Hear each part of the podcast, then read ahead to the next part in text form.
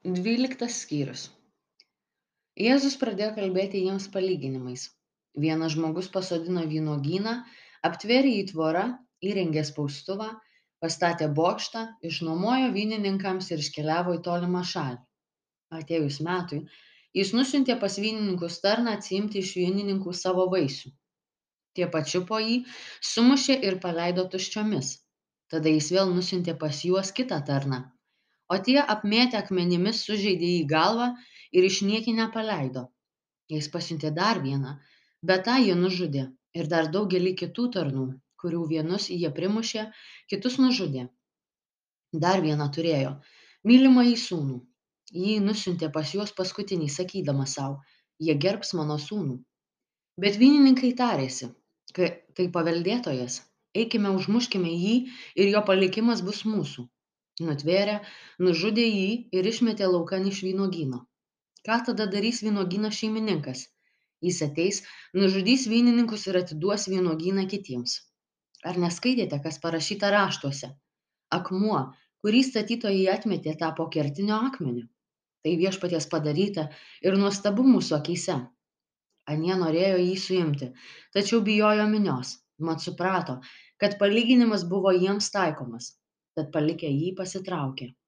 Tada jie siunčia pas Jėzų fariziejų ir erodininkų sugauti jo kalboje.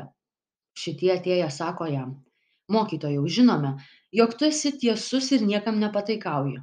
Tu neatsižvelgi į asmenis ir mokai Dievo kelio, kaip reikalauja tiesa. Ar reikia mokėti ciesoriui mokesčius ar ne? Mokėti ar nemokėti? Žinodamas jų veidmainystę, jis tarė, kam spendžiate man pinkles? Atneškite man pažiūrėti denarą. Jie padavė. Jis jų klausia kieno čia atvaizdas ir įrašas? Jie atsakė ciesoriaus. Tuomet jėzus jiems tarė. Kas ciesoriaus atiduokite ciesoriui o kas dievo dievui. Ir jie labai juo stebėjosi. Pas jėzų ateina sadukiejų kurie neigia mirusiųjų prisikėlimą ir klausia.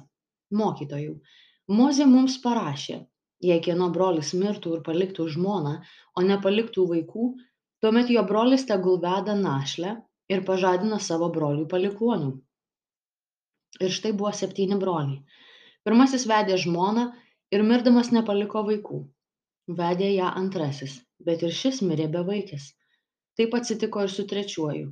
Ir visi septyni nepaliko vaikų. Po jų visų numirė ir ta moteris. Taigi prisikėlime kai jie prisikels kurio iš jų žmona ji bus? Juk ji buvo visų septynių žmona.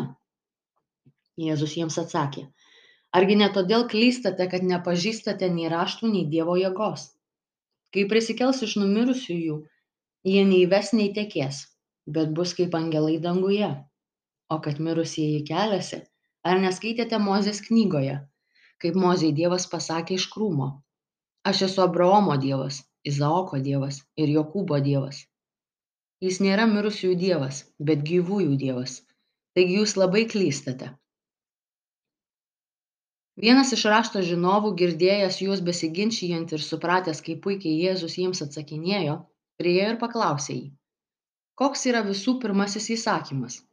Jėzus jam atsakė pirmasis yra šis klausyk izraeli viešpats mūsų dievas yra vienintelis viešpats tad mylėk viešpatį savo dievą visa savo širdimi visa savo siela visu savo protu ir visomis savo jėgomis.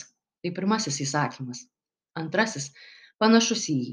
Mylėk savo artimą kaip save patį. Nėra jokio kito įsakymo didesnio už šiuodu.